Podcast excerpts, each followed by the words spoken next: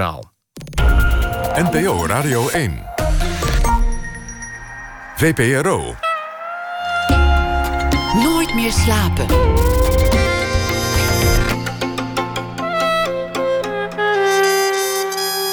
Met Pieter van der Wielen. Goedenacht en welkom bij Nooit meer slapen. Ineens stond De Pest van Albert Camus weer bovenaan de bestsellerlijsten. Nou ja, ineens, de reden mag natuurlijk duidelijk zijn. Boeken en films over plagen en lockdowns zijn ineens populair. Mijn gastcommentator Wietske Versteeg maakte zelfs een overzicht, een corona-leeslijst voor de lezers van NRC Handelsblad met de beste films en boeken over het thema. Zelf schreef ze vijf jaar geleden alweer een boek, Quarantaine, ging ook over een pandemie. En dat boek wordt ook meteen, werd vandaag bekend, opnieuw uitgebracht. Valt een bezoek aan een boekwinkel eigenlijk onder noodzakelijke boodschappen, vroeg ik me af. En ik zou zeggen van wel, als je maar niet de boekhandelaar in het gezicht kucht en netjes je afstand bewaart. Het was ook vreemd om het nieuwe boek van Wietske Versteeg te lezen, want dat is ook net verschenen, Verdwijnpunt. En dat gaat over misbruik, over trauma en ook over lichamelijkheid.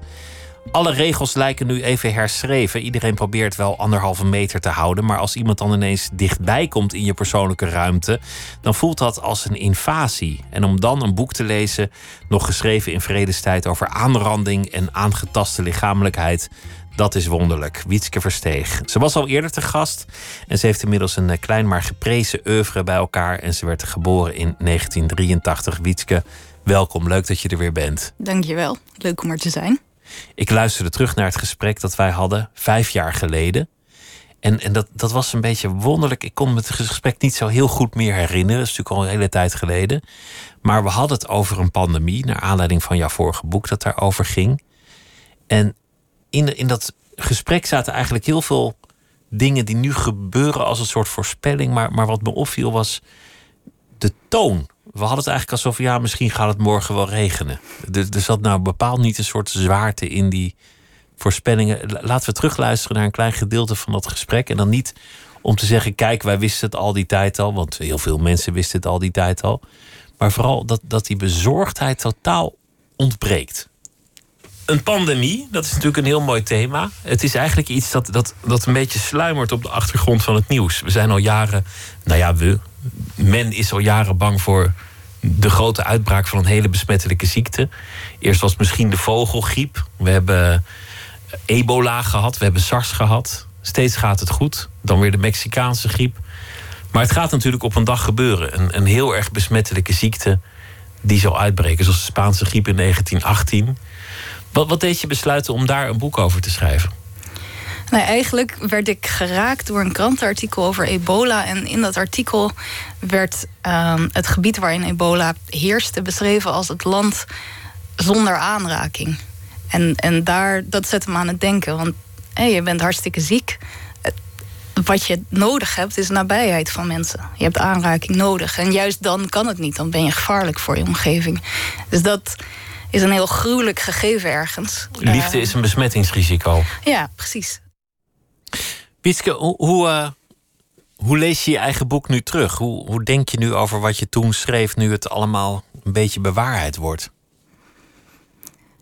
Nou ja, toen ik uh, quarantaine schreef, het gaat over een pandemie.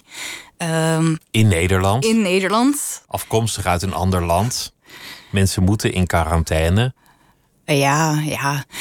Ehm, maar ja, ik ben politicoloog hè, van, van achtergrond. En um, daar is een, een, een gezegde van ja, de toekomst is er altijd al. Hij is alleen niet gelijk verdeeld. Um, en net toen je dat fragment liet horen, uh, viel me op dat jij dat jij toen zei van ja, steeds gaat het goed. En, en dat is eigenlijk ook, hè, dat, dat dachten wij steeds. Maar dat was alleen maar omdat die dat was epidemieën heel ergens anders waren. En, en alle nare dingen die erbij hoorden ergens anders waren. En um, zo zit de mens nou eenmaal in elkaar dat je, dat je pas iets echt voelt hoe erg iets kan zijn als het ook je daadwerkelijk raakt. En gelukkig maar, want anders zouden we stapel gek worden met z'n allen. Het ging helemaal niet goed. Het ging nooit goed. Het ging alleen toevallig hier goed. Nou ja, het ging hier goed. Op andere plekken ging het al, al een aantal keer eerder heel erg fout. Ja. En, en dat, is, dat is een hele. Ik ben blij dat je dit zegt, want dat is een heel welkome relativering. Het is natuurlijk vreselijk wat er nu gebeurt over de hele wereld. En, en al die mensen die ziek worden en lijden en sterfte en angst en economische malaise.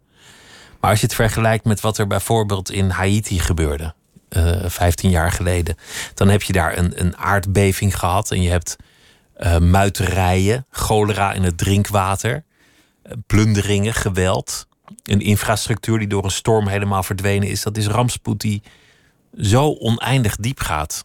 Dan, dan is het missen van de eredivisie en een beetje afstand moeten houden en je café dicht. Oké, dat zijn voor de meeste mensen de grootste rampen die je kunt voorstellen, maar het valt relatief nog wel mee. Nou ja, op wereldschaal. Ja, Nederland heeft een enorm comfortabele uitgangspositie. Ik bedoel, we zijn heel erg gewend aan een veilig leven en daardoor lijken dingen al snel heel groot.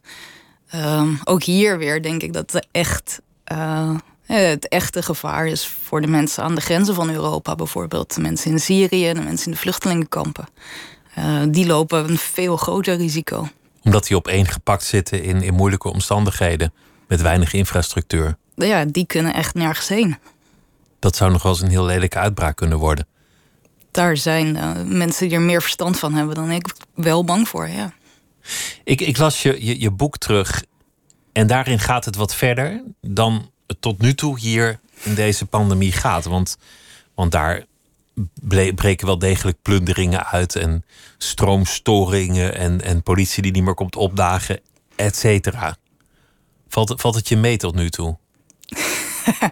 Um, maar ja, ook voor mij geldt dat dingen anders zijn in het echt dan wanneer ik ze verzin. Ehm, en in quarantaine was het hoofdpersonage iemand die eigenlijk al zijn hele leven heel erg alleen was geweest. Dus die beschreef alles ook met een enorm grote afstand tot wat er gebeurde. Maar die kon. Uh, zeg maar, dat is heel raar als je een boek schrijft dat je nooit precies weet wie je personage is. En dit personage was gewoon heel egocentrisch. Um, en was zelfs in het midden van zo'n crisissituatie toch nog vooral met zichzelf bezig.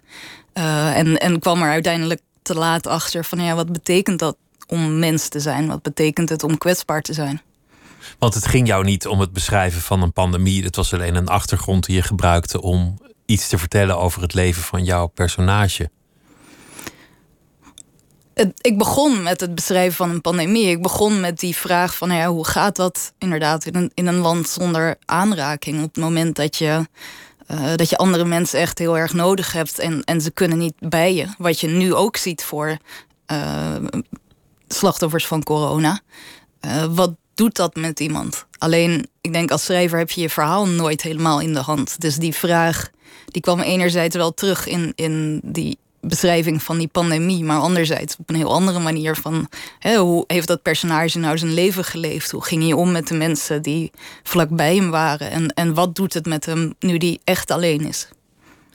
Het, het ging over een, een plastisch chirurg, eigenlijk een beetje een, uh, een, kwakzalver. En, en het was een, een man met een, een slecht huwelijk. Je komt er ook helemaal niet achter of er wel liefde is geweest in zijn leven. Het, het ziet er naar uit dat dat er eigenlijk helemaal niet zoveel is geweest. Deze man leefde voor zichzelf en zijn eigen gemak. Maar als die afstand er is, dan wordt dat ineens ook voor hemzelf voelbaar. Dan denkt hij, ja, kan ik, kan ik eigenlijk wel een leven leiden zonder, zonder anderen? Ja, wat je als lezer tussen de regels door een beetje kunt lezen, is dat andere mensen uh, me ook heel erg beschermd hebben. Ook al kijkt hij heel, erg op ze neer. En uh, houdt hij met zijn woordenstroom eigenlijk heel erg afstand.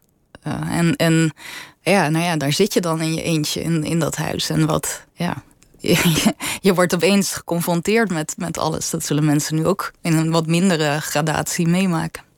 Dat doet denk ik toch veel met mensen. Dat je afstand moet houden tot iedereen. Dat je een andere etiketten krijgt dat je hele dagen thuis zit, met of zonder kinderen, met of zonder partner. Levens worden wel echt flink op, opgeschud op dit moment. Ja. Hoe, hoe, hoe, vind, hoe kijk jij daarnaar? Hoe, hoe vind je dat eruit zien? Um, nou ja, voor mij als schrijver is het, Gewoon uh, zoals dat is het eigenlijk wat dat betreft minder, minder grote verandering dan voor veel mensen. Um, het is heel raar natuurlijk om les te geven aan, uh, aan mensen zonder dat je echt contact hebt. Dat vind ik wel heel, heel naar. Van, ja, je wil als docent wil je gewoon een goed gesprek kunnen voeren met je, met je studenten ter plekke. Dat doe je nu van achter een scherm of zo? Ja, ja, zoals iedereen, zoals alle docenten. En ik ben heel blij dat ik studenten les geef en niet uh, kleuters bijvoorbeeld, want dat lijkt me echt heel ingewikkeld. Maar je, je uitgangspunt, je fascinatie was omdat je had gelezen over uh, gebieden waar ebola heerste, dat, dat het een gebied zonder aanraking werd, waar het menselijk contact ophield te bestaan. Herken je dat nu in, in wat er gebeurt? Nou ja, je ziet natuurlijk wel op hoe mensen enerzijds hoe bekende, zeg maar onbekende op straat uh, elkaar vermijden. En ook proberen gewoon geen signalen uit te zenden. Zodat mensen ook niet, echt niet bij, uh, dichtbij komen. Ook meteen niet meer groeten bedoel je? Bijvoorbeeld niet meer groeten. Ja, van hoe, hoe ga je dan met elkaar om? Allerlei dingen waarvan we, waaraan we gewend zijn. Die altijd heel vanzelfsprekend lijken. Die kunnen opeens niet meer. En wat doen mensen dan?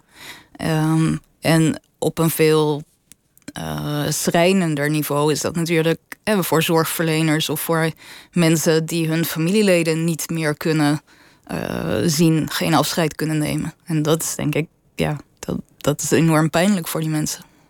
Dat is wat je in met name Italië leest: mensen die sterven zonder ooit nog familie of, of geliefden om zich heen te kunnen zien. Omdat daar gewoon geen, geen ruimte en geen tijd voor is. Ja. En, en het besmettingsgevaar te groot is. Dat is natuurlijk heel tragisch om, om te lezen, die verhalen. Hoe had je je eigenlijk toen verdiept in dat thema van een, van een pandemie? En in de vraag hoe dat er hieruit zou zien?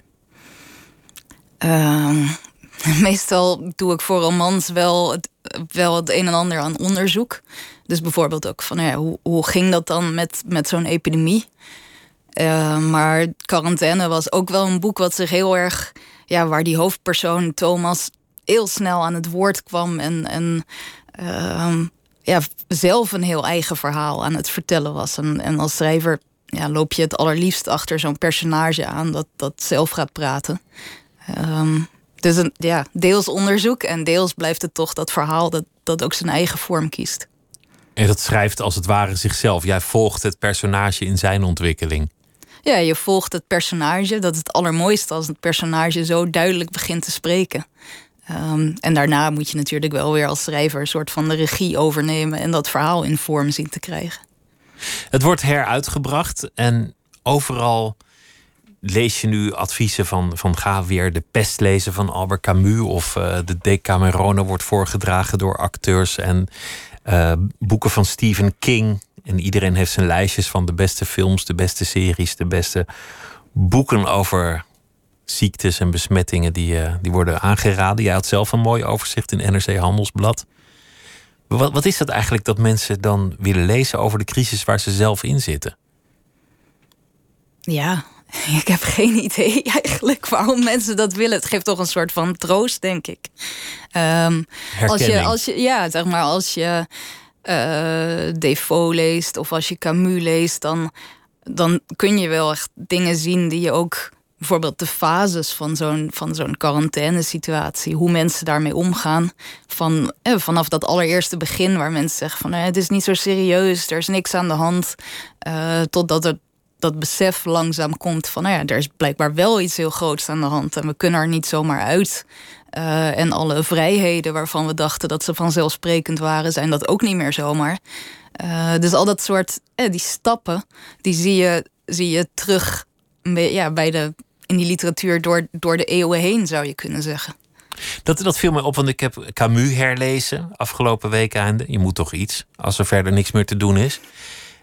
En, en ik, heb, ik heb het altijd gelezen als een, als een boek over filosofie en een, en een uh, epidemie als een metafoor voor zijn uh, absurdisme, zoals dat heet. Dus, dus de, de, de zin van het leven. Maar dit keer las ik het heel letterlijk. En was ik vooral nieuwsgierig hoe goed hij dat gezien had. Wat er gebeurt in een stad als er een epidemie is. En precies wat jij zegt, dat, dat, dat heeft hij heel mooi gevat.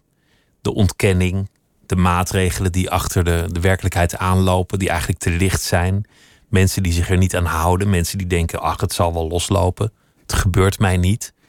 Maar ook dokters die ineens een carrière maken. Die ineens in het centrum staan. Want de hoofdpersoon, dat is een soort, uh, een soort Jaap van Dissel. Maar dan met een iets groter ego. Die, uh, ja, die heeft zijn finest hour. Die, die man die leeft op bij, bij Camus. Maar ik vond eigenlijk dat hij, dat hij het ontzettend goed heeft gevat. Dat, dat boek ja, kan je bijna één op één over deze crisis leggen. Het is, wonderbaarlijk. Ja, ja, daar kan ik het alleen maar mee eens zijn. En hij heeft dan weer op zijn beurt uh, Defoe gelezen, zeg maar, van de, de, de pest in de, in de 17e eeuw. Uh, dus hij had ook weer zijn voorbeelden van een eerdere tijd. Terwijl het bij hem, uh, bij Camus, inderdaad ook een metafoor was voor het fascisme. maar tegelijkertijd, ja, die metafoor klopt wel tot in de puntjes ook voor die echte epidemie. Ja, want, want het begint met een rat. Als je een rat ziet, dan ben je eigenlijk te laat, want die laat zich normaal niet zien. En dat is dan de ziekte die in je midden is. Je struikelt over een rat en dan is het gevaar daar. Dat kan je natuurlijk heel, heel metaforisch op, oppakken. Maar het klopt ook wel van hoe pandemieën gaan. Welke boeken had je eigenlijk nog meer uh, opgedoken? Wat zijn nog meer de grote klassiekers van, van een pandemie? Ja, ja er, zijn, er zijn er veel. Um, um, even kijken hoor. Nou ja, vaak spannende boeken, hè? Beetje vaak spannende boeken. Ja, je hebt natuurlijk ook inderdaad. Het hangt er ook vanaf van hoe breed trek je het. Je kunt inderdaad eh, Stephen King, De Doom, zou je ook als een soort quarantaineboek kunnen zien. Um, uh, er is veel geschreven over Dean Koontz, die eerder over een soort virus schreef. Uh, er is veel science fiction dat, eh, dat een soort virus als, als uitgangspunt neemt. En het is ook heel logisch dat, dat schrijvers dat doen, omdat het een soort.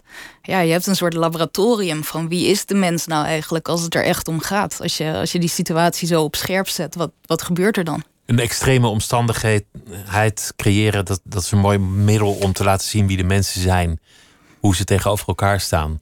Ja, en ook hoe verschillend mensen kunnen reageren op zo'n moment. Want dat is ja, wel een rode lijn in, in die quarantaine-literatuur. Van je zult altijd enorm egoïstische reacties zien. En mensen die altruïstisch uh, risico's nemen om het goed te doen voor anderen. Wat we nu ook al een beetje zien. Dat sommige mensen heel mooi uit de hoek komen. En anderen, nou ja, het is eigenlijk vooral het verwijt. Want ik heb nog niet heel erg schrijnend egoïsme gezien in Nederland. Maar het verwijt ligt wel altijd op de loer. Van hé, hey, waarom pak jij nou twee pakken wc-papier? Leg er eens eentje terug. Ja, het verwijt ligt altijd, altijd heel sterk op de loer. Ik moest vanochtend boodschappen doen en daar was een oudere mevrouw uh, aan het croissantjes aan het uitzoeken. En die zei zo tegen mij van uh, ja, ik durf het. Ik stond op veilige afstand, moet ik erbij zeggen. Maar op die veilige afstand zei ze: Ja, ik durf niet uh, tegen anderen te zeggen van die anderhalve meter. Want voor je het weet heb je een mes tussen je ribben. Maar wat die mevrouw niet zag, was dat er achter haar op twee meter uh, twee studenten al een ruime vijf minuten heel lief stonden te wachten.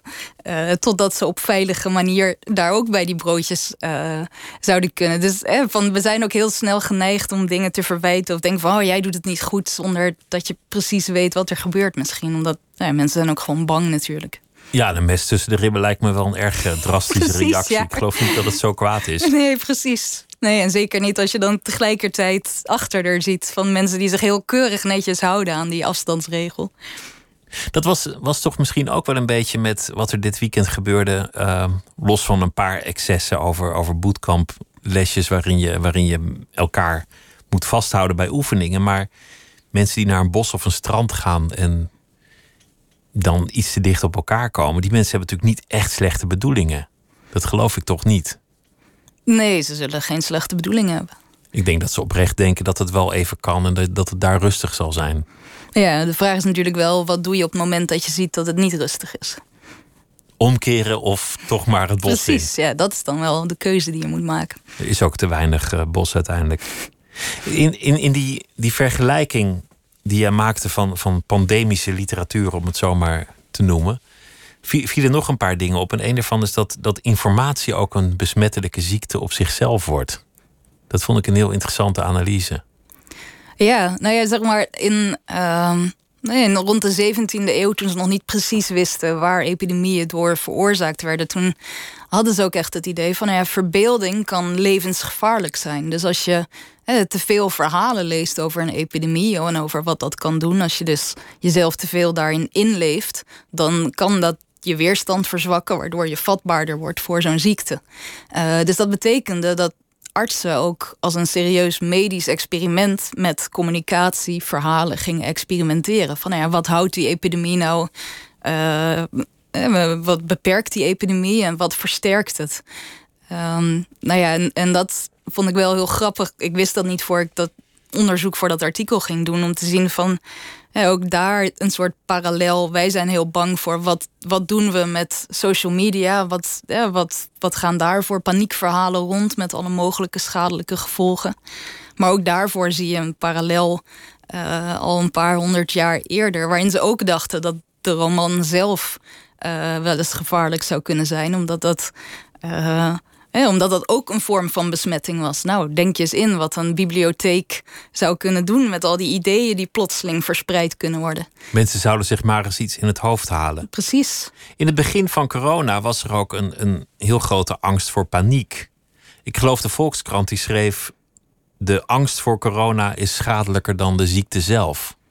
Ja. Of iets van, iets van die strekking. Maar in ieder geval, de, de strekking was: paniek moeten we tegen elke prijs vermijden dan maar relativeren. Doen alsof er niks aan de hand is. Nee, nee, het is natuurlijk altijd heel makkelijk van achteraf kijken nu we weten wat er gebeurd is. Ja, precies. Um, en ik denk, ja, de mensen die het echt moeten doen, die, ja, die moeten ook een, een ingewikkelde koers varen tussen enerzijds, oké, wat neem je serieus? En anderzijds, als er een soort massapaniek ontstaat, is het ook niet goed. Dus hoe, ja, hoe, hoe krijg je die balans? Ik herinner me een onderzoek van, van jaren geleden. Dat ging over geheimen. En de conclusie was dat iedereen een geheim altijd met twee personen zou delen. en als dat helemaal waar is, dan zou dat betekenen, los van dat mensen natuurlijk het geheim dan ook weer aan iemand doorvertellen die het al lang weet. Dus het is niet helemaal dat het een, een recht model is. Maar dat zou betekenen dat de hele wereldbevolking binnen ongeveer een maand alles zou moeten weten. Wat niet opgaat, omdat de meeste geheimen niemand meer interesseren. Dus op een zeker ogenblik zal het verhaal doodlopen, want, want dan ken je die mensen niet meer. Maar als, als een geheim of informatie ongeveer hetzelfde gaat als een epidemie, dan zie je ook wat de wiskundige gevaren zijn van een explosie. Waar, waar we nu zitten, met, met uh, de curve die omhoog gaat. Het gaat eigenlijk best netjes, toch? Met, met de informatiestroom nu. Nou, ik denk uh, voor zover ik dat kan inschatten, wat maar heel beperkt is, dat, uh, dat, er, dat er gerichte informatie wordt gegeven. Dat er, ik bedoel, mensen proberen zowel de waarschuwing te geven als al te grote paniek in te dammen. En tegelijkertijd zie je ook allerlei initiatieven waarmee mensen elkaar proberen te helpen. Naast de literatuur zijn er ook liedjes die ineens weer eh, in de aandacht komen. En een van de liedjes die ineens weer bovenaan playlisten staat, gek genoeg, is een, een lied waar vooral troost van uitgaat van George Harrison in de jaren 70. En uh, zijn boodschap is: alles gaat uiteindelijk weer voorbij, alles waait over. All things must pass.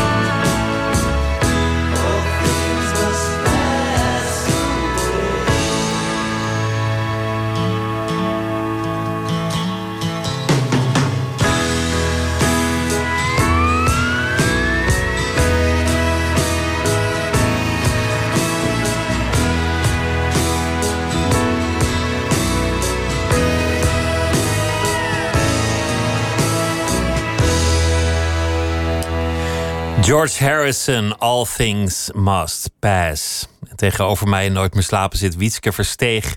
Zij heeft een nieuw boek uit, Verdwijnpunt. En haar uh, vorige boek, of althans het boek voor het vorige boek... een boek van vijf jaar geleden alweer, Quarantaine... is uh, opnieuw uitgebracht vanwege de actualiteit en de toepasselijkheid uh, daarvan. We begonnen met een fragment van 2015, toen je hier ook al te gast was... En we het al uitgebreid hadden over een pandemie en uh, dat is precies wat er nu uh, aan de hand is. Ik begon ook in de inleiding met, met, je huidige boek. Want je zei, ik wilde toen een boek schrijven over afstand. Wat doet het met een samenleving als mensen afstand moeten houden? Dit boek gaat in zekere zin ook over fysieke afstand. Wat, wat doe je als je getraumatiseerd bent omdat iemand jouw afstand niet heeft gerespecteerd? Heel dichtbij is gekomen, je hebt aangerand, misbruikt.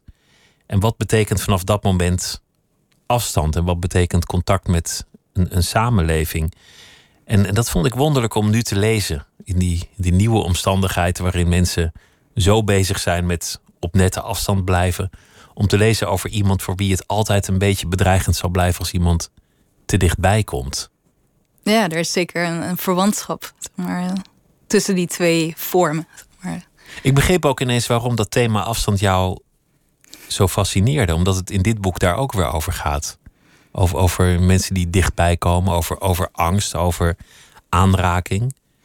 Aanraking zal nooit helemaal vrijblijvend zijn, vrees ik. Nee, ik denk het niet. Nee. Wat, wat ik fijn vond aan het boek is dat je, dat je niet streeft naar een soort oplossing. Het is niet een boek van iemand die zegt: Ik heb het achter de rug, ik ben er sterker uitgekomen. Of kan deze ervaring nu een plek geven. Of nou ja, ga zo maar door. Nee. Je, je, je, gruwt van clichés, maar, maar je, je, je streeft ook niet naar een oplossing of naar verlichting of een moment om te zeggen: Nou ja, het ligt allemaal achter me. Nee, dat was heel duidelijk wel uh, een reden om dit boek te publiceren. Dat ik. Er wordt heel veel geschreven over geweld. Er zijn sowieso heel veel films en weet ik veel verhalen over geweld.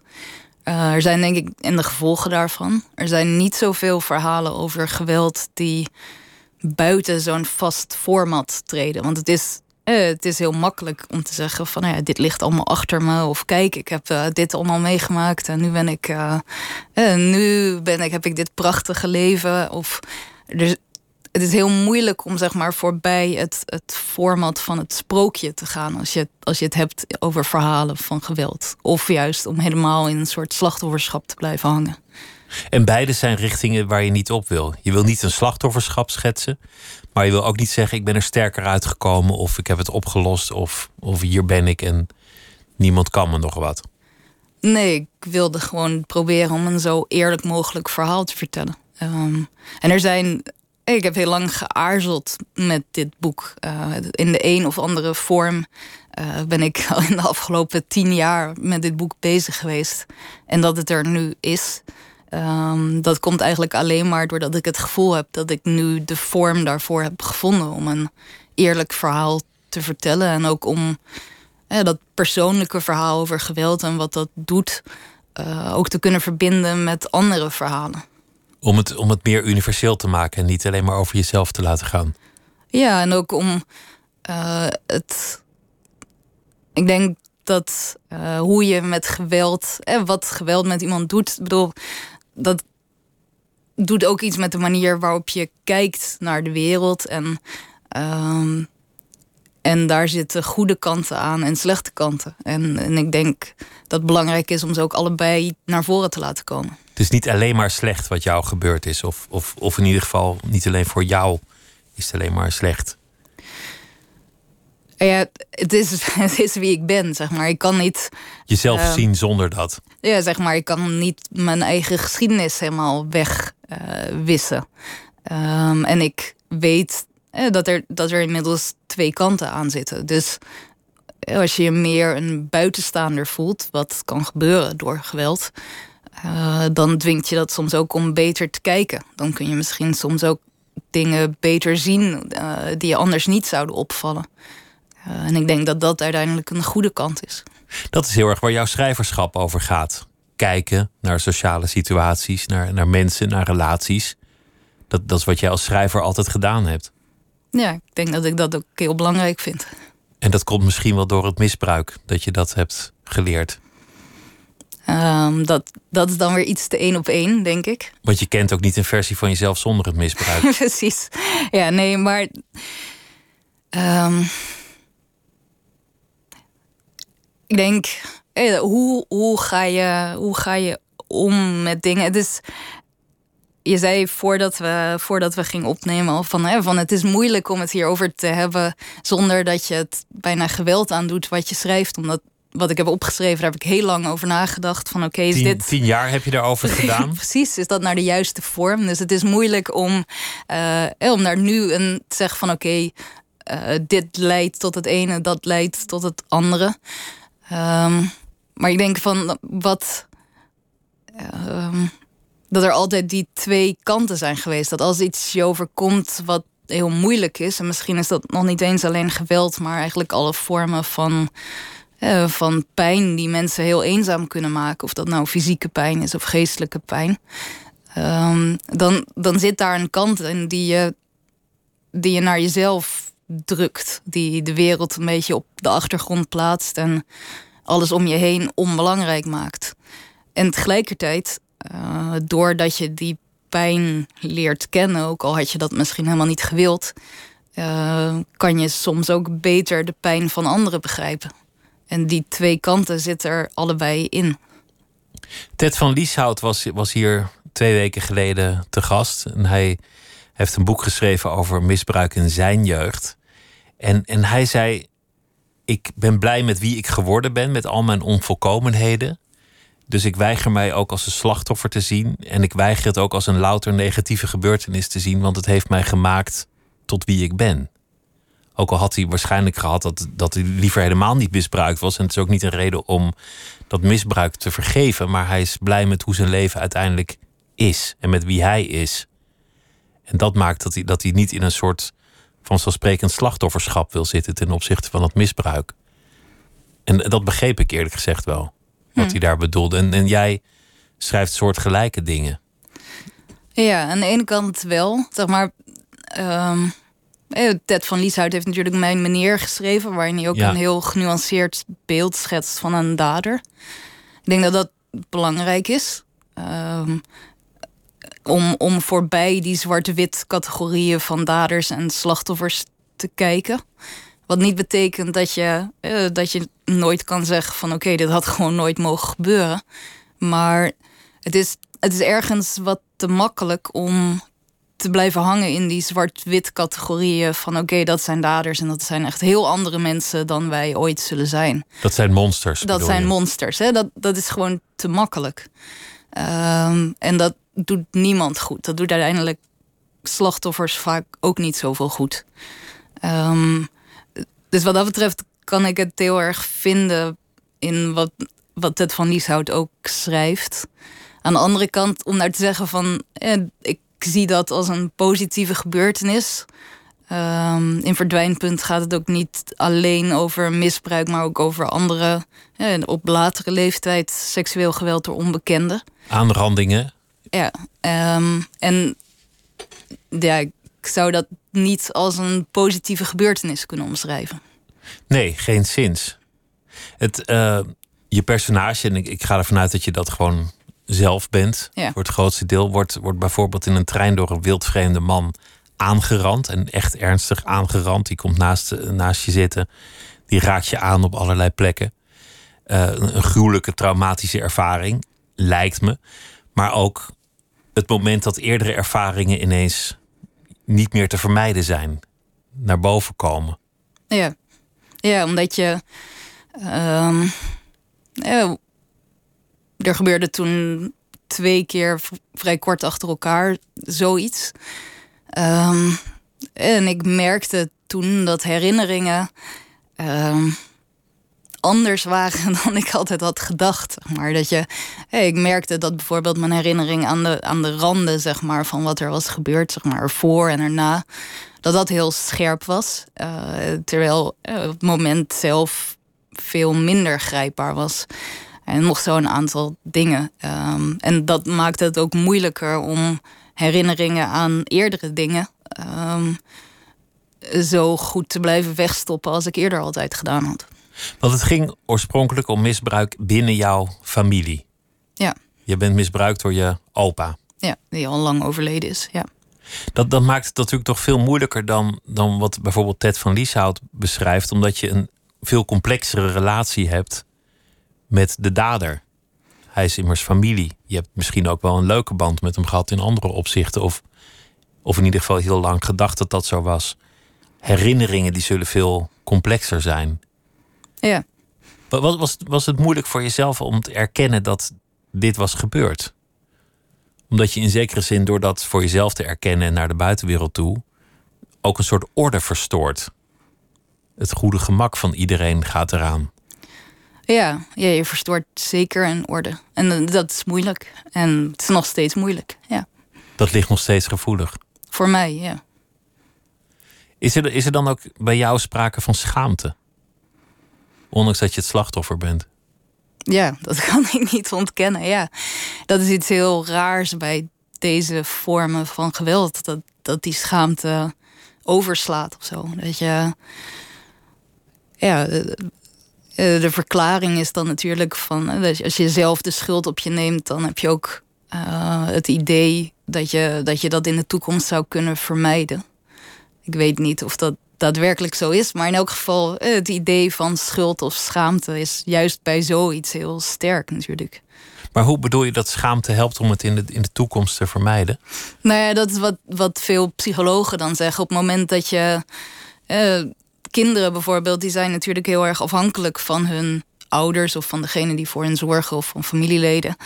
Uh, op het moment dat, uh, dat er dan dat iemand iets doet wat ze niet begrijpen en ze voelen zichzelf schuldig, dan kunnen ze zichzelf voornemen van ah, als ik het de volgende keer anders doe, dan gebeurt het niet meer. Dan heb je het in de hand. Dan heb je het in de hand. Dat is zeg maar de verklaring die ik had ook nooit in die trein geven. moeten zitten. Ik had ook nooit dat, dat jurkje aan moeten Precies, doen. Ja. Dat verschaft controle. Ja, dat geeft een gevoel van controle, schijnt. ik weet niet. Uh, zeg maar, dat is de, de verklaring uit de boekjes. Um, ik weet ik weet in elk geval dat voor mij dat gevoel van schuld of schaamte heel sterk is. Nog steeds, dat, dat blijft een worsteling. Dat blijft ingewikkeld, ja. Die, die verhouding tot je eigen jeugd, tot je eigen herinneringen, dat, dat lijkt me ook zo ingewikkeld. Is, is voor jou je hele jeugd eh, een nare herinnering? Nee, maar de verhouding tot herinnering is sowieso heel ingewikkeld, denk ik. Um, wat, ik wat ik ergens ook schrijf is... vaak als we praten over herinneringen... dan hebben we het dan heb je zo'n beeld van iets wat je min of meer ongeschonden op kunt uh, takelen. dat je gewoon naar boven kunt halen om weer te bekijken. Uh, maar in werkelijkheid veranderen herinneringen achteraf. Zeg maar. Niemand houdt zijn herinneringen constant. En hoe meer je erover nadenkt, hoe meer je herinneringen ook zullen veranderen. Dus dat is ook iets wat ik zelf heel ingewikkeld vind. Wat, wat kun je eigenlijk vertrouwen van je eigen herinneringen? Uh, wat is wat dan. Is waar, ja, wat, wat, is niet waar? Wat is überhaupt waar? Ja, dat. Ja, dat is voor iedereen. En niemand weet helemaal zeker wat, wat waar is of wat niet van vroeger. Als je. Um, eh, broers en zussen die kunnen een compleet andere herinnering hebben aan dezelfde gebeurtenis, bijvoorbeeld. Um, en, en dat is hier ook van wat, wat, wat vertrouw ik nou in mijn eigen herinnering als ik al weet, ik weet hoe herinneringen werken en ik weet hoe onbetrouwbaar ze zijn. En ik weet dat er een soort waarheid is waar ik niet omheen kan. En er is een sociale druk om het maar niet waar te laten zijn. Zou voor iedereen het makkelijk zijn. Als jij had besloten je herinneringen te negeren en te doen alsof het allemaal niet gebeurd was? Mm. Mm. Nou, dat, dat impliceert iets wat niet per se.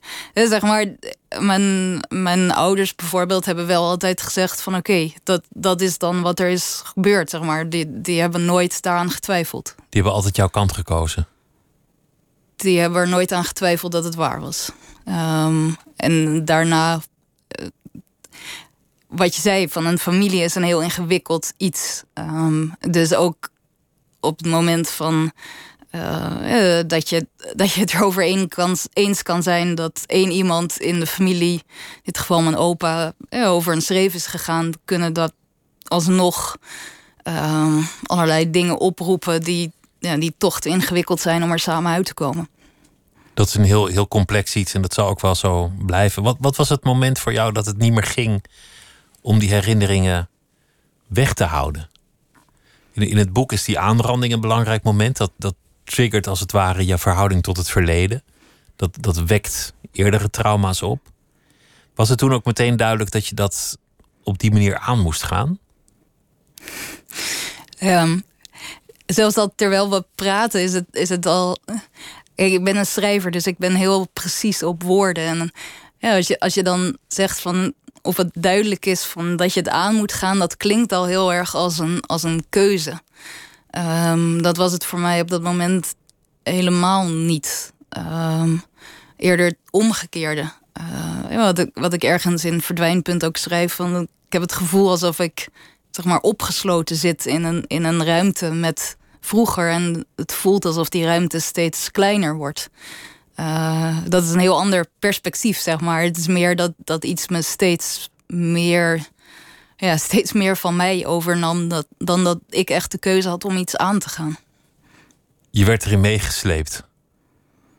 Je kon, je kon niet anders dan, dan, dan daarmee de strijd aan te gaan. Nou ja, ik ga het toch weer anders formuleren. Ja, want ja precies. want de, strijd, de strijd aangaan, dat klinkt ook weer alsof je, ja, alsof je ervoor kan kiezen ergens mee te vechten. Terwijl wat er in werkelijkheid gebeurde, was dat ik aan de oppervlakte. Uh, ik deed twee studies, ik deed ik weet niet hoeveel aan sport. Uh, en tegelijkertijd was de enige manier om min of meer te overleven, was mezelf fysiek volledig kapot te maken omdat ik gewoon niet de dag meer doorkwam. Um, en, en dat deed je door sport en, en door werk, jezelf kapot maken? Ja, zeg maar, door heel veel te studeren, door heel veel te sporten. Uh, totdat ik gewoon fysiek helemaal niks meer kon. Um, en dus. Ik, ik ben er zo scherp op van, van hoe, hè, hoe, hoe vertel je daarover? Omdat ik denk. Ook weer over die verhalen. We hebben ook als het gaat over ziekte of over. Het gaat heel vaak over die, die metafoor van vechten. En ik, uh, winnen, dat is dan overwinnen. winnen, overwinnen. En dat is echt heel vaak niet, uh, niet hoe het in werkelijkheid is. Um, en, en zoals ik nu dat boek geschreven heb. Uh, en ik ben op een andere plek dan waar ik toen was. Maar ik probeer wel zo, zo trouw mogelijk te zijn aan degene die ik toen was en hoe het voor diegene was. Omdat ik weet dat het voor heel veel mensen op dit moment nog precies zo is.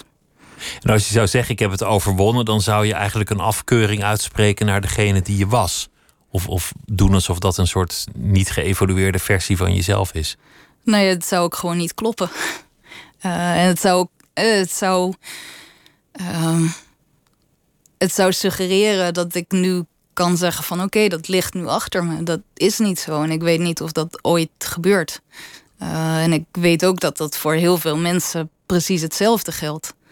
Uh, is dat voortschrijdend inzicht dat je zegt ik weet niet of ik er ooit vanaf zou komen? Ja, want met die aanrandingen dacht ik van ja, ik geef mezelf twee maanden de tijd en dan moet het wel over zijn. Dus het duurt een tijdje, maar uh, ja. Het opgeven van die doelen is al iets dat je bereikt hebt in ieder geval. Ja, kijk, die gebeurtenis in de trein, dat is. Ehm, ja, dat is echt al een hele tijd geleden. Dat is al jaren geleden. Dus, en in die tijd is er heel veel gebeurd. Heb ik hard gewerkt. Hebben andere mensen me heel veel gegeven. Um, en een van de dingen is. Uh, van hoe ga, je, hoe ga je om met kwetsbaarheid in plaats van altijd te proberen weg te stoppen. Van dat het, um... Om het toe te laten. Hoe uitte zich dat in, jou, in jouw leven, dat, dat trauma? Waaruit bestond die kwetsbaarheid? Nou ja, onder andere uit, uit een totaal onvermogen om kwetsbaar te zijn. Dus uit een enorme kloof tussen hoe ik voor de buitenwereld overkwam. Uh, ja, namelijk uh, uh, cum laude afgestudeerd, een boek uitgegeven op mijn 25ste en hoe ik me in werkelijkheid voelde. Um, en dat liet je aan niemand zien? Ja, er waren wel een paar mensen die dat zagen. Um, maar er was niet de hulp om daar, als in professionele hulp, om daar echt iets mee te kunnen. Was je in staat om, om relaties te hebben, om, om liefde te hebben? Um, ik heb hele goede vriendschappen altijd gehad. En daar kwam veel liefde uit. En daarin kon je wel kwetsbaar zijn? Wisselend, maar ik heb, ja, zeg maar, bij een aantal vrienden kon ik wel kwetsbaar zijn. En die hebben me ontzettend veel gegeven daarmee.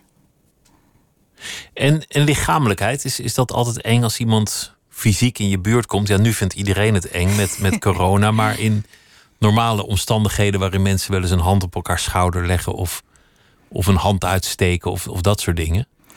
Dat wisselt, maar het is zeg maar uh, de verjaardag waar je binnenkomt en iemand je, je naar je toe trekt om te gaan zoenen. Dat blijft altijd, ja, dat blijft altijd wel een soort neiging om achteruit te stappen, bijvoorbeeld. Ja.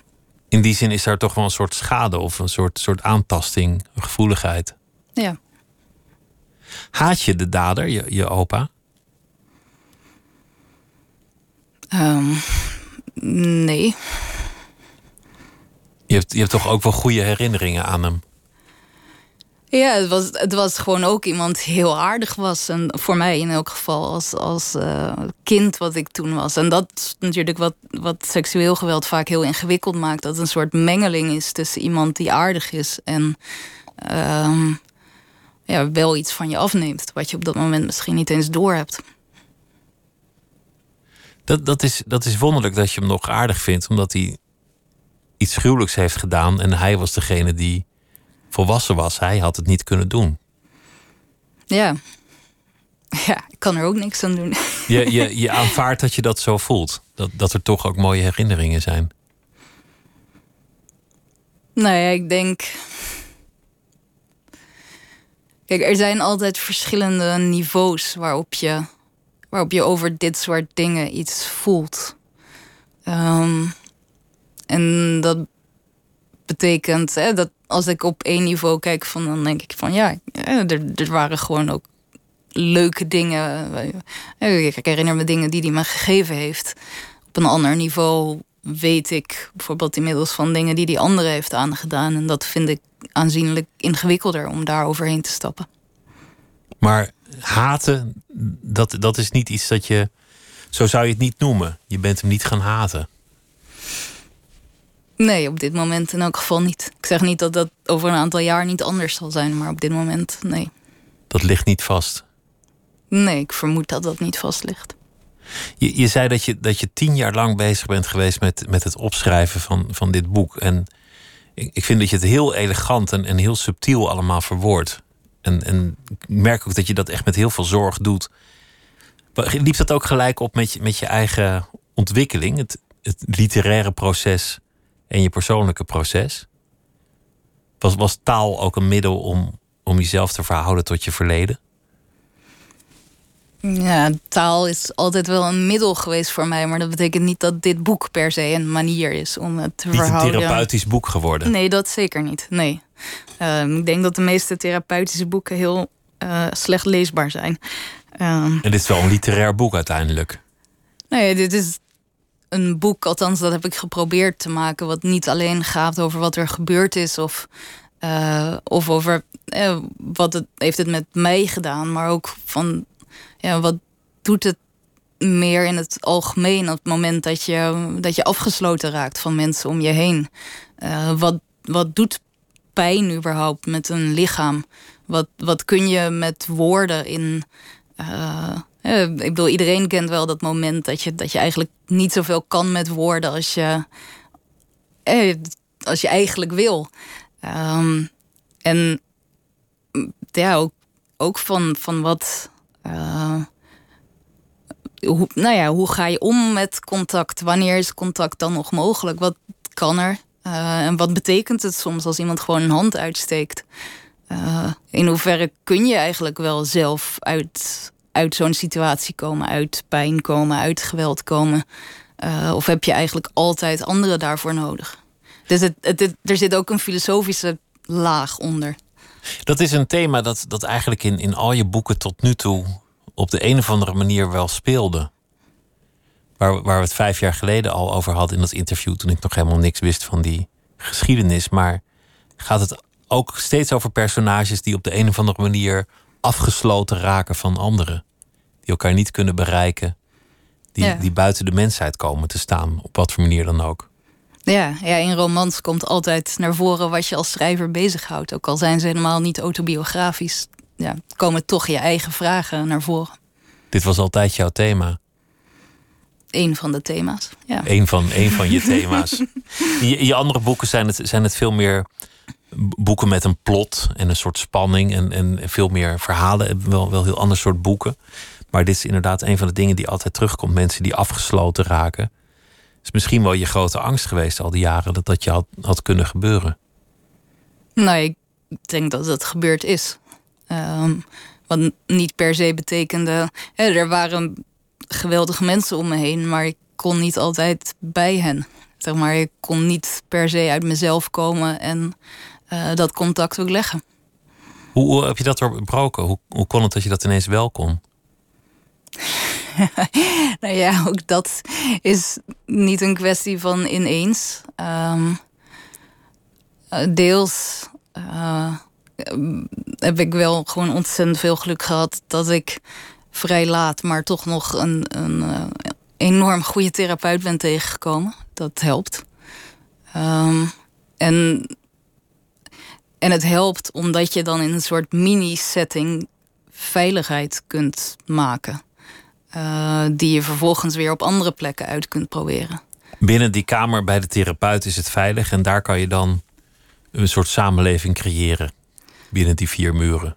Ja, en die kun je vervolgens dan buiten die vier muren uh, ja, uitproberen. Maar, uh, maar dus er is aan de ene kant dat. En aan de andere kant, ja, ik heb ook gewoon heel veel geluk gehad dat mijn overlevingsstrategie altijd werk is geweest.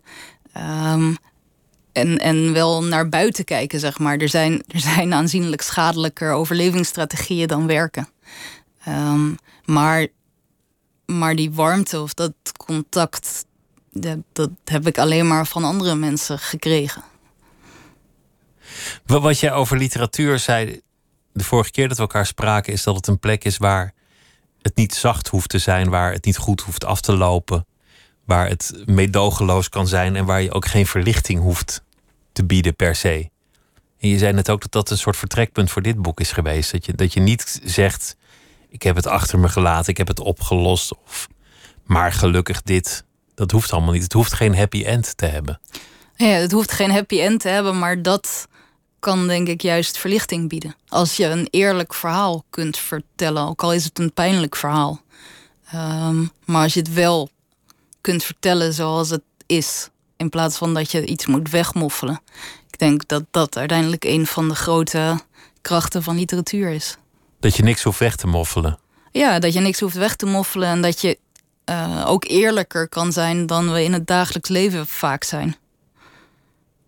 Is dit iets waar je in je dagelijks leven ooit over praat? Als je, als je geen schrijver was, zou dit dan een geheim zijn dat je met je meedroeg? Um, ja, voor de meeste mensen natuurlijk wel.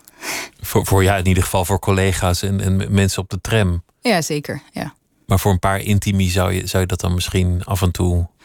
Nou ja, ik, wat ik zei, ik heb het grote geluk dat ik al vanaf mijn tienerjaren hele goede vrienden heb. En ja, die, die waren natuurlijk wel in elk geval voor een groot deel op de hoogte. Hoop je ook dat dit boek, want, want het lijkt me een boek dat voor veel mensen ook wel herkenning en steun zou kunnen bieden. Is, is dat ook iets waar jij mee bezig bent op het moment dat je, dat je het schrijft? Of is het iets waar je nu hoopt dat het, dat het gaat gebeuren? Het is wel de reden om het uit te brengen. Kijk, er zijn heel veel. Niet om het te schrijven, maar wel om het te publiceren. Ja, zeg maar, het schrijven. Altijd als ik schrijf, denk ik eigenlijk helemaal niet aan wie het leest, omdat je dan snel gaat uh, ja, juist iets niet eerlijks gaat doen. Van oké, als ik het nou zo schrijf, dan vindt die het misschien oké. Eh, dus als ik schrijf, dan denk ik niet aan wie het leest. Maar de reden om het te publiceren is wel Ik heb zelf veel gehad aan de paar eerlijke verhalen over geweld die ik vond. Ehm, dus ik hoop wat dat betreft wel dat mensen er iets aan kunnen hebben. Uh, of ze nou eenzaam zijn door geweld of door pijn of door wat dan ook. Uh, ik denk dat heel veel mensen rondlopen met verhalen die ze niet per se delen. Uh, of waar niet zoveel plek voor is in het dagelijks leven. Dus als het, nou ja, als het maar één iemand kan helpen, denk ik dat dat heel groot is. Dankjewel dat je langs wilde komen. En het, uh, het boek heet Verdwijnpunt. Wieske Versteeg, dankjewel dat je uh, wilde vertellen. En ik wens je heel veel uh, succes met schrijven en met alle andere dingen. En natuurlijk ook met deze coronatijden. Dankjewel. En morgen in Nooit meer slapen komt Splinter Chabot op bezoek. Hij heeft een boek dat heet Confetti Regen. En straks is Miss Podcast aan de beurt. En Misha Blok die zit er al klaar voor. Ik wens u een hele goede nacht.